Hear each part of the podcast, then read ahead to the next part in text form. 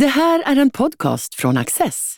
Du hittar fler av våra program på access.se och på Youtube. Mycket nöje! I Bokens folk, en civilisationshistoria från papyrus till pixlar, berättar kyrkohistorikern Joel Halldorf om textens och läsningens historia. Från de första lertavlorna till dagens digitala pixelmassor. Hur har vårt författande och läsande förändrats under tidens gång? Är vi nu på väg att överge det skrivna ordet? Erik Jersenius samtalar med Joel Halldorf om hur vi blev bokens folk. En vanlig dag ser en genomsnittlig svensk två timmar rörlig bild, tillbringar en timme på sociala medier och läser 34 minuter, varav hälften är i tryckt format, en tidning eller en bok. Från 1981 till 1999 låg läsningen stabilt på 70 minuter per dag och sedan dess har den halverats. Andelen tonåringar läser bok eller tidning, eh, som läser bok eller tidning minskade från 23 till 8 procent mellan 2012 och 2020. Och bara en tredjedel av befolkningen läser, en bok, läser i en bok om dagen. 40 procent av kvinnorna och 28 procent av männen. Joel Halldorf, du är eh, kyrkohistoriker, väl, välbekant kulturskribent för många. Och eh, du skriver om läsningens historia i din nya bok Bokens folk. Hur är det möjligt att vi läser så lite när vi är mer utbildade än någonsin i Sverige? Ja, det är en väldigt bra fråga.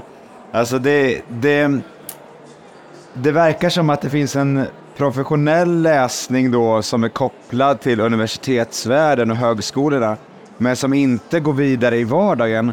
Jag har talat med kollegor på, på högskolan där jag jobbar på andra universitet också, som noterar två saker med studenters beteende som de inte riktigt är vana vid. Det ena är att de i allt mindre grad köper läroböckerna. Eh, det är också så att man i viss mån misstänker att de inte läser dem ens under kursen. Men, men många säljer också sitt, sitt kursbibliotek eh, efter, efter avslutade studier. Så att det är som att, eh, ja, för en del personer i alla fall så är läsningen då det nödvändiga ontet som man måste göra för att ta sin examen, men fortsätter inte i vardagen. Och kanske finns det en lite sån trend generellt, att det finns ett professionellt läsande i vissa, i vissa grupper, men det eh, sker fortfarande min, en kraftig minskning även där på ett slags vardagsläsande. Men varför läser vi mindre? Det, finns, det har ju med konkurrensen att göra. Eh, att det finns så otroligt mycket att välja på. Eh, redan tvn introducerade ju eh, no någonting som så att säga, kunde ta av vår fritid för underhållning och fördjupning och sådana saker. Eh, men, men det som... Boken har ju överlevt alla de här introduktionerna av ny teknologi, radio och tv, men och, den har i alla fall aldrig varit så utmanad som den är idag med den här allorstädes närvarande digitala tekniken som vi har i våra fickor, alltid redo att ta upp de här weapons of mass distraction som någon har kallat dem, alltså de här di distraktionsredskapen. Boken är ju väldigt mycket en koncentrationsartefakt. Eh, det är inbjudan till koncentration, närvaro och fokus som är bokens särskilda erbjudande till oss läsare. Eh, och, eh, men om vi är alltför vana vid att distrahera oss så blir det svårare för oss att gå in genom den dörren och ta emot det erbjudandet. Men vad innebär det för oss som människor och som samhälle att vi läser mindre? Ja, jag tror att det har väldigt många olika effekter. Eh, en sak som läsning gör, som jag tror väldigt många av oss är bekanta med, det är att läsningen öppnar våra horisonter. Vi får dels släktskap eh, genom andra människor som vi kan känna igen oss i. Som C.S. Lewis har sagt vid något tillfälle, vi läser för att upptäcka att vi inte är ensamma, eh, att det finns andra som vi. Men vi läser också för att upptäcka att det finns människor som är annorlunda än oss och att leva oss in i hur de lever, hur de tänker, hur deras inre värld ser ut. Och här blir läsningen en källa till empati och medkänsla. Eh, och i ett samhälle som från 1800-talet 1700-talet splittras upp i många olika grupper, klasser som lever ibland en bit ifrån varandra, arbetarklass, olika religiösa minoriteter, olika etniciteter också, så innebär romanläsandet en möjlighet att kliva över de här gränserna och förstå de andra. Det är så som händer i Harriet Beecher Stowes eh, eh, Onkel Toms stuga, Emil Solas romaner, Dickens och så vidare. Eh, och, och, det sätter en politik i rörelse av solidaritet, enhet, gemenskap. Och vissa forskare menar också att den banar väg för, för eh, demokrati och så småningom mänskliga rättigheter.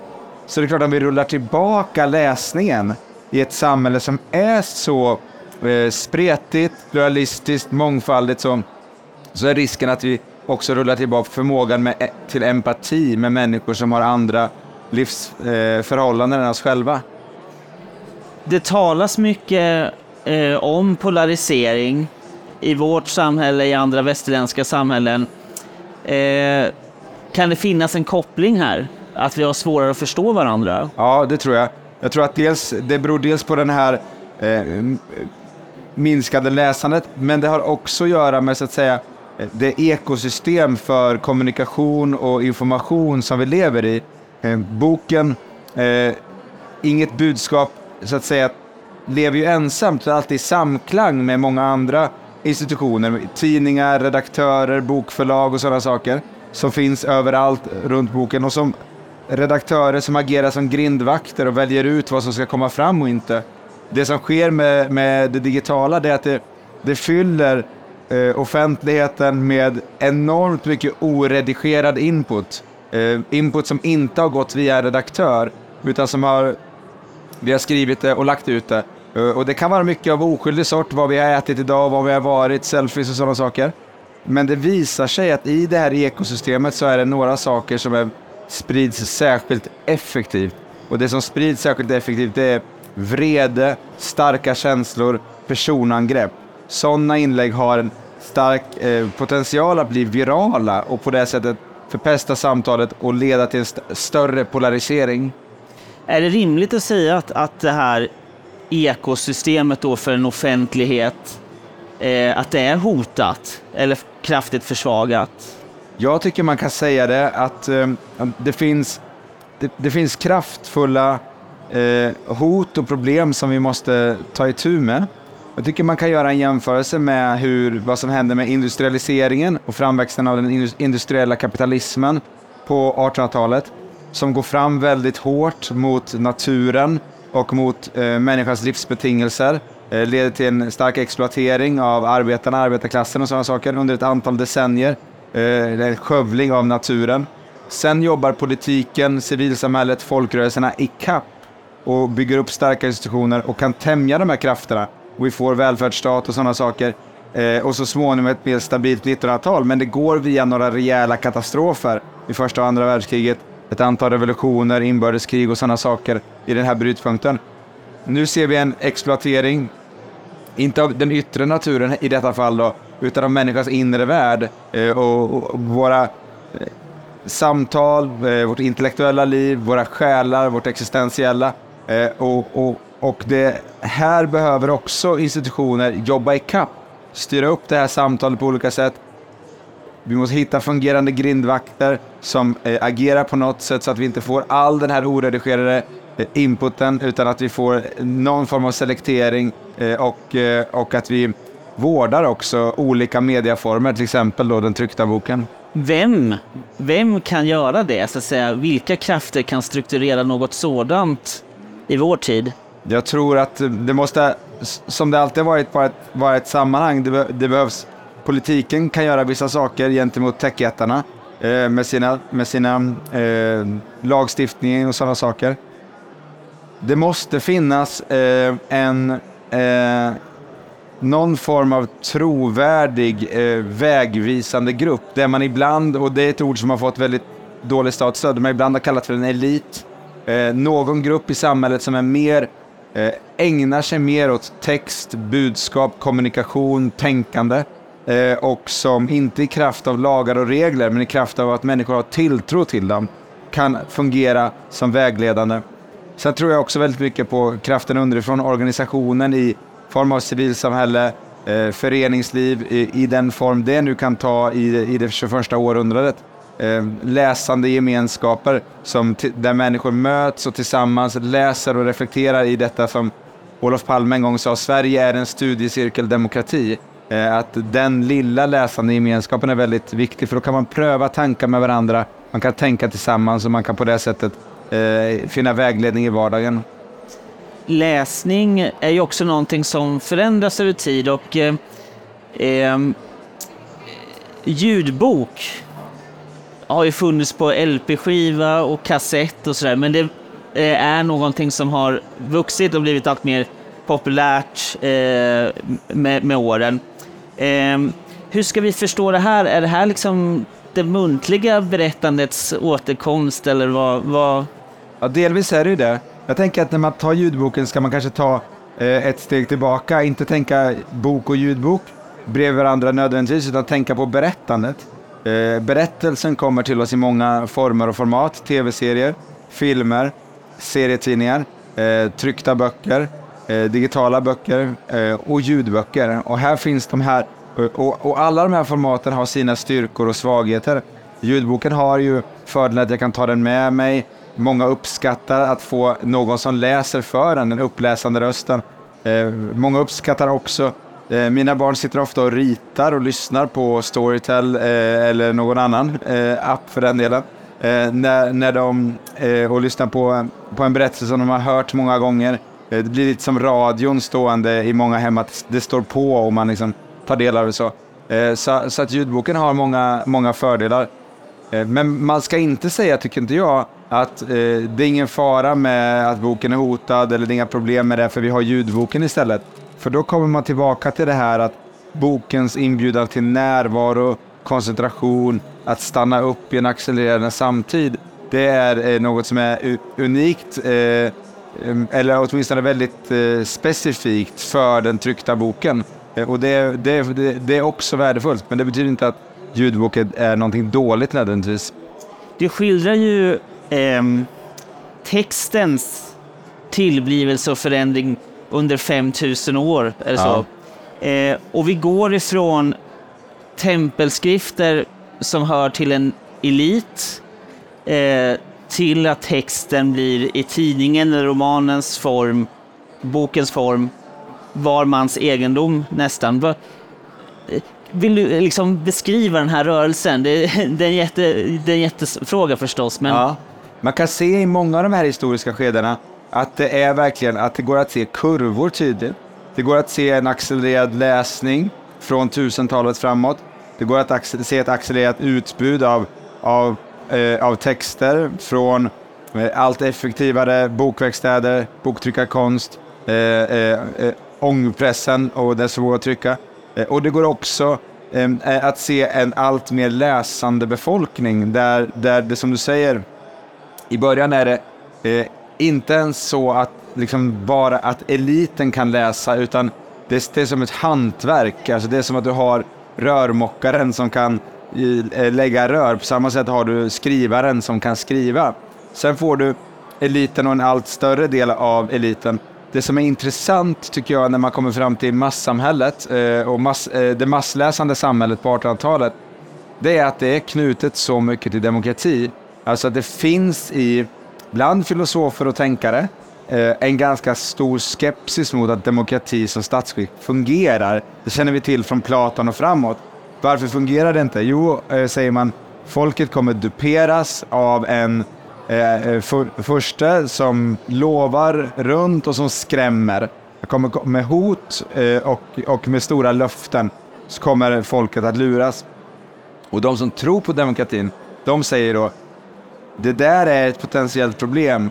Det måste vi lösa genom att ha en bildad befolkning. Eh, och där blir läsandet så att säga, grogrund för demokratin. Och du kan inte ha en demokrati på plats om du inte har eh, ett massläsande. Så är det i hela, eh, i, över hela världen, så ser vi, ser vi den kopplingen.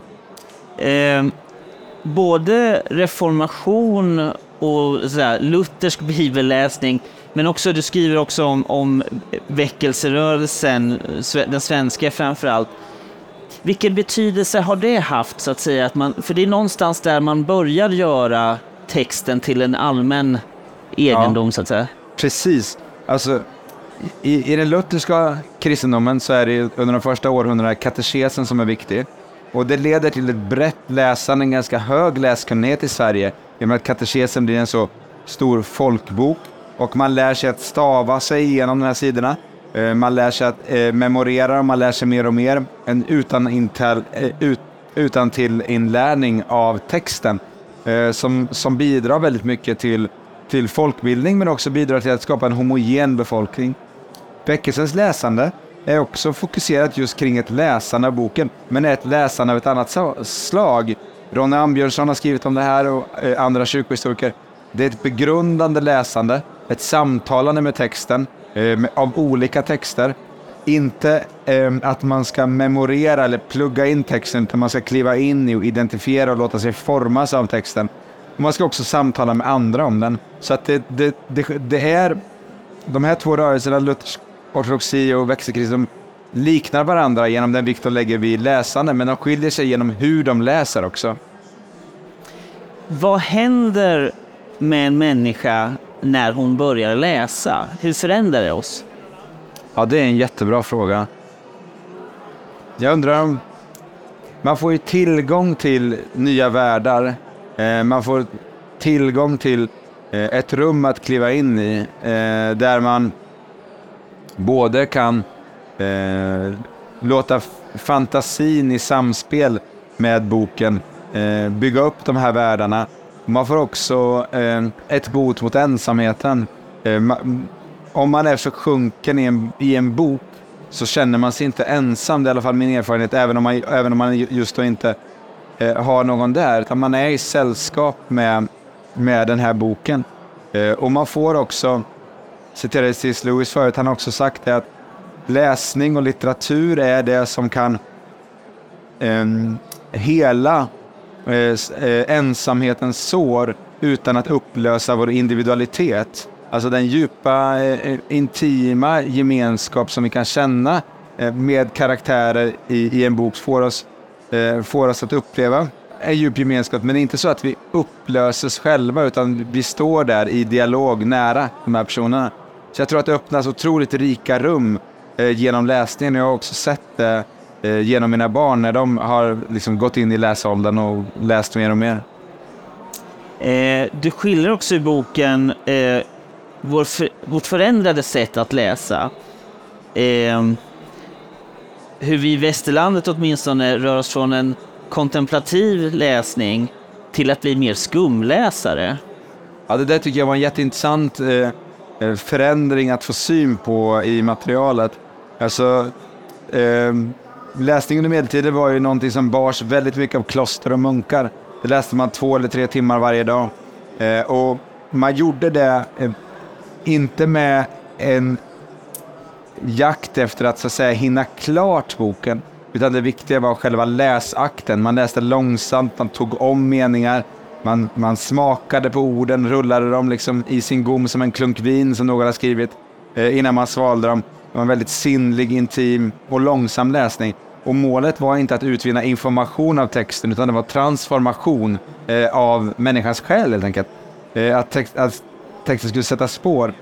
Eh, så växer också fram en annan typ av läsning, skumläsningen, som möjliggörs genom att man börjar införa mellanrum mellan orden. Så att du kan skumma texten eh, och läsa den hastigare eh, än vad du kunnat göra tidigare.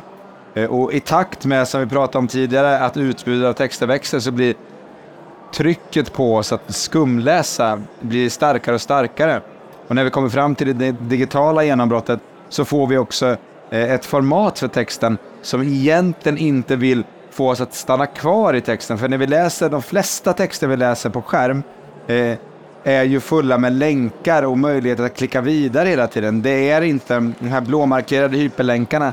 Eh, det är inte tanken att vi ska försjunka in i de texterna, vi ska surfa, det vill säga vi ska röra oss vidare, vidare, vidare hela tiden.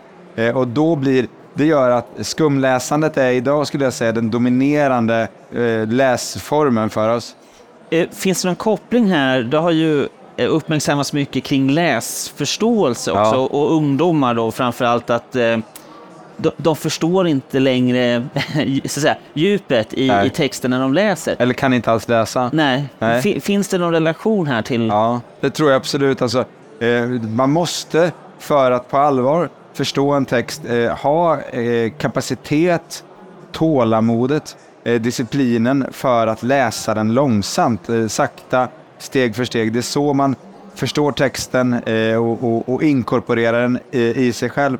Eh, och och, och, och, det, det vet även, även jag som har läst eh, ett helt liv. Eh, när jag ger mig in i ett nytt fält Eh, Då läser jag väldigt långsamt när jag inte vet, så det jag inte kan fältet. Sen när jag kan det mer och mer, då går det snabbare och snabbare. Det är mer välbekant med informationen som är framför mig eh, och, och, jag, och jag processar det mycket snabbare. Men i början, eh, när jag ska lära mig det, krävs det en djupläsning. Och så för ett barn eller någon som är ung, så är ju så att säga nästan allting nytt. Eh, och då är det via djupläsningen som man lär sig om världen och man lär sig också att läsa på det sättet. Har vi som kultur förlorat något värdefullt när vi inte läser kontemplerande längre? Ja, jag tror det. Och jag tror att det är också så här att eh, det moderna samhället präglas, eh, ett sätt att definiera det, att ett samhälle är modernt när det bara kan hållas stabilt genom en pågående acceleration. Alltså vi, vi lever i ett samhälle där allting måste gå lite snabbare år från år. Det måste bli effektivare, det måste finnas tillväxt. Hjulen måste snurra eh, snabbare och snabbare, annars riskerar vi samhällskollaps. Eh, och det här är en jättestor utmaning, eh, den här accelerationen. Och, och, och det här kan vi nog känna var och en att det utarmar våra själar, det utarmar jordklotet. Det, det skapar en rad sociala problem, utslagning, polarisering tror jag också knutet till den här höga, höga hastigheten. Då behöver vi också ha eh, pauser. Vi behöver ha saker och ting som får oss att stanna upp. Eh, saker och ting som hjälper oss att dra ner på tempot. Bli närvarande, kon- punkter av kontemplation. Därför tror jag just den tryckta bokens eh, liksom möjlighet att ge oss de här kontemplationspunkterna är, är kanske ännu viktigare idag än vad det var på medeltiden eller reformationen eller tidigare. Just för att det går så snabbt i samhället. Eh, när du beskriver så att säga, massläsningen och massamhällets så att säga, framväxt så eh, är det otroligt fina bilder, eller vad ska jag säga, starka bilder där människor, eh, man reser till Paris, eh, man kommer från landet eller från något, något mindre utvecklat land och så ser man en massa parisare som går runt med näsan ner i en bok Ja. var som helst. Ungefär som vi reagerar idag när vi tänker på hur, hur vi sitter med våra mobilskärmar. Precis. Eh, och det här är en del av en demokratiseringsprocess. Men samtidigt så undrar man ju då, eh, i mass, massamhället så det här hindrar liksom inte, precis som du var inne på, det hindrar inte världskrig och förintelse. Det. Det, någon slags upplysning av massan, utan den är fortfarande manipulerbar så Ja. att säga. Verkligen så. Eh, och man kan ju fundera, jag har ju ett kapitel när jag resonerar framförallt om andra världskriget och, och på vilka sätt då, det är många faktorer bakom en sån katastrof, men på vilka sätt eh, är hur ehm, eh, boken och kommunikationsekosystemet en del av det. Eh, och då är det ju så att nazismen använder sig mycket av propagandan som format, man använder sig väldigt mycket av radion, de använder sig av byråkratin som en slags genre för att organisera sina massmord.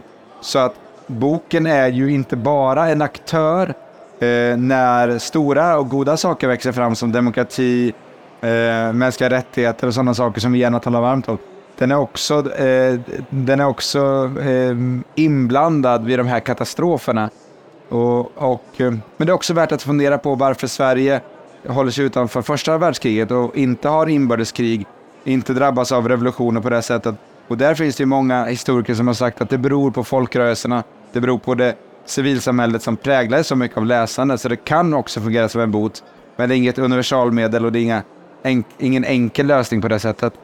Vad tror du då om läsningens framtid? Är det så att vi går mot en helt visuell kultur? Att det blir en, eh, liksom en bild, bildcivilisation igen på något sätt?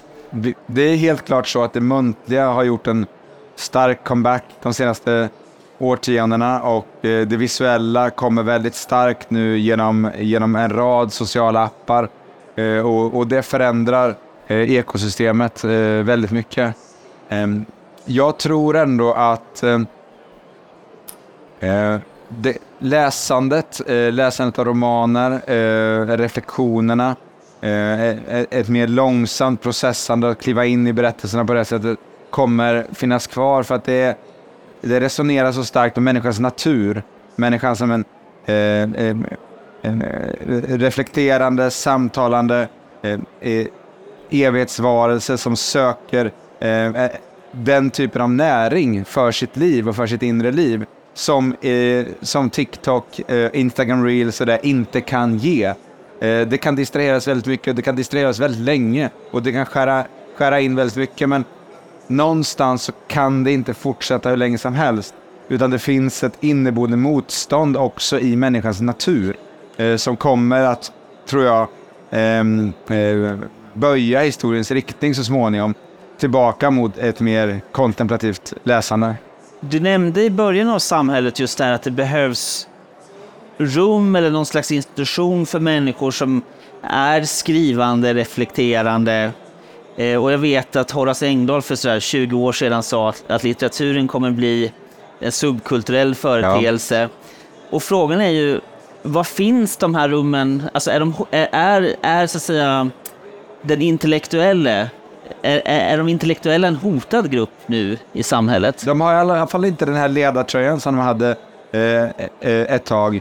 Eh, men jag tror att det finns en rad eh, rörelser, väldigt många människor, och det var intressant att se statistik på det, eh, är med eller har under de senaste fem åren varit del av en, en bokcirkel eller en bokklubb till exempel. Eh, studiecirklar, så det finns ett, ett nätverk av, av också, eh, och i församlingar och kyrkor som är också en levande Eh, folkrörelse eh, i, i, vårt land. Så det finns som en slags ganska osynlig liksom, grillarörelse av människor som organiserar sig tillsammans. Gör inte mycket väsen av sig i form av liksom, eh, att de skapar braskande rubriker och så, men, men finns här eh, spirande. Och det här tror jag att man ska också, om man vill liksom göra någonting åt det här, om man, man vill se en annan utveckling, då ska man liksom eh, organisera en sån grupp, en, en sån träffpunkt i sin närhet, det tror jag är något av det bästa man kan göra. Och eh, hur räddar vi boken och tidningarna för framtiden? Hur ska vi bära oss åt?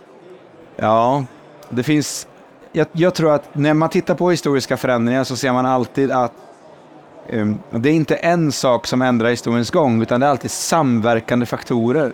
Så om vi vill rädda böcker och tidningar så måste vi jobba med samverkande faktorer. Mediastöd och sådana formella policysaker hör dit. Skolan är jätteviktig. Det är oerhört bra att vi äntligen har fått en debatt om digitaliseringen av skolan, baksidan av det, vikten av ordentliga läroböcker, vikten av, av läsning. Det är viktigt att föräldrar börjar tänka kring hur de använder digitala medier, både i sin egen vardag och i sin uppfostran av sina barn och vilka gränser de sätter för det och att vi får ett levande samtal av det. Det kommer komma riktlinjer från Socialstyrelsen eh, för vad man anser är en rimlig ehm, eh, användning av eh, sociala medier och digitala medier. Och det kan, kan uppfatta att det är lite paternalistiskt och sådana saker, men det behövs i många hem där föräldrar känner att de, de inte riktigt vet var de ska sätta gränserna eh, och vad som, är, vad som är just ett rimligt mått. Eh, och också då det som jag var inne på, eh, det som kommer underifrån av en läsande folkrörelse. Det tror jag kommer bli eh, också en, en väldigt avgörande ingrediens i detta. Tack så mycket Joel Halldorf. Tack. En applåd.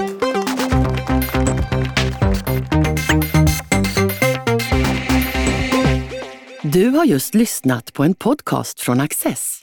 Du vet väl att vi också är en tv-kanal och tidning? Teckna en prenumeration idag på access.se.